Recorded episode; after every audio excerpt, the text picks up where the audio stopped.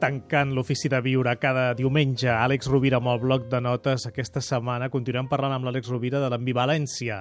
L'altre dia ens en feia cinc cèntims d'alguns apunts que ell té al bloc de notes. Àlex, ben retrobat. Gràcies per ser nosaltres. Gaspar? Gràcies a tu. Fèiem esment a la llum i la foscor referint-nos a la victòria de Donald Trump i el comentari que havia fet eh, Deepak Chopra sobre aquesta no acceptació de l'ombra per part de la societat nord-americana, l'ombra que representa d'alguna manera Donald Trump.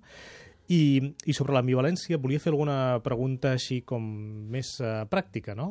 Uh, hem estat educats que si estimem algú no podem sentir ràbia i fins i tot en alguns moments no podem sentir odi. I jo, si ho entenc bé, el que ens estàs dient, Àlex, és que el nostre pensament aristotèlic, lineal, ens impedeix saber que la vida és molt més gran que això i que accepta que al mateix temps puguis estimar i sentir ràbia. És més, en la mesura que reconeixes i acceptes que sents ràbia per aquella persona, obres una porta de debat i de dialèctica que no vol dir... Reconèixer que tens ràbia no vol dir expressar-la i esdevenir algú violent o destructiu. Reconèixer-la et permet obrir un debat i fins i tot dir a la persona estimada, saps què? Estic enrabiat amb tu. I em genera ràbia això que visc quan estem junts. Això que fas, que potser no te n'adones, però això m'emprenya molt.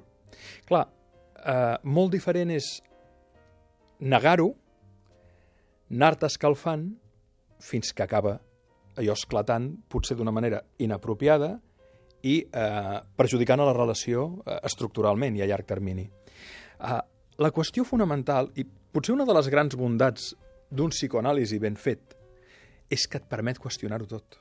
Per posar una eina concreta de treball, no? si tens la sort de treballar amb, un, amb una bona o amb un bon analista, és que una de les parts que té, eh, una de les avantatges o bondats que té un procés analític és que et porta a qüestionar-ho.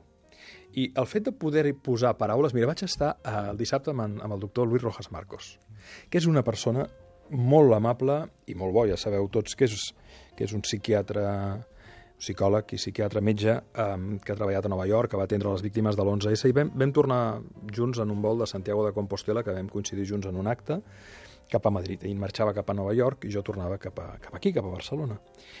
I em deia un, em don, compartíem dades no, d'estudis que, que, que hem vist cadascun i deia, saps que s'està investigant que les dones viuen més anys no només per una sèrie de qüestions fisiològiques, sinó perquè parlen més, perquè es qüestionen més les coses, perquè expressen més les emocions, perquè potser tenen més facilitat per dir t'estimo amb bogeria però estic emprenyadíssim amb tu, cosa que l'home no fa, que potser ja d'entrada no diu t'estima moltíssim, o millor ja manifesta directament la mala llet, però no és capaç de conciliar aquests dos sentits aparentment oposats.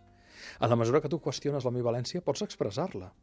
I a l'hora de l'expressar-la li dones unes possibilitats en el món d'allò que és real, de la realitat, per gestionar a l'eventual conflicte o malestar de manera diferent.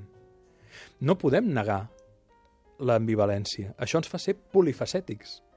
Al contrari, reconèixer-la i acceptar-la ens obre possibilitats que ens portaran a territoris diferents. Negar l'ambivalència no deixa de ser a llarg termini eh, o no deixa de fer que la persona esdevingui un, una persona, com dèiem l'altre dia, dogmàtica, maniquea i un personatge.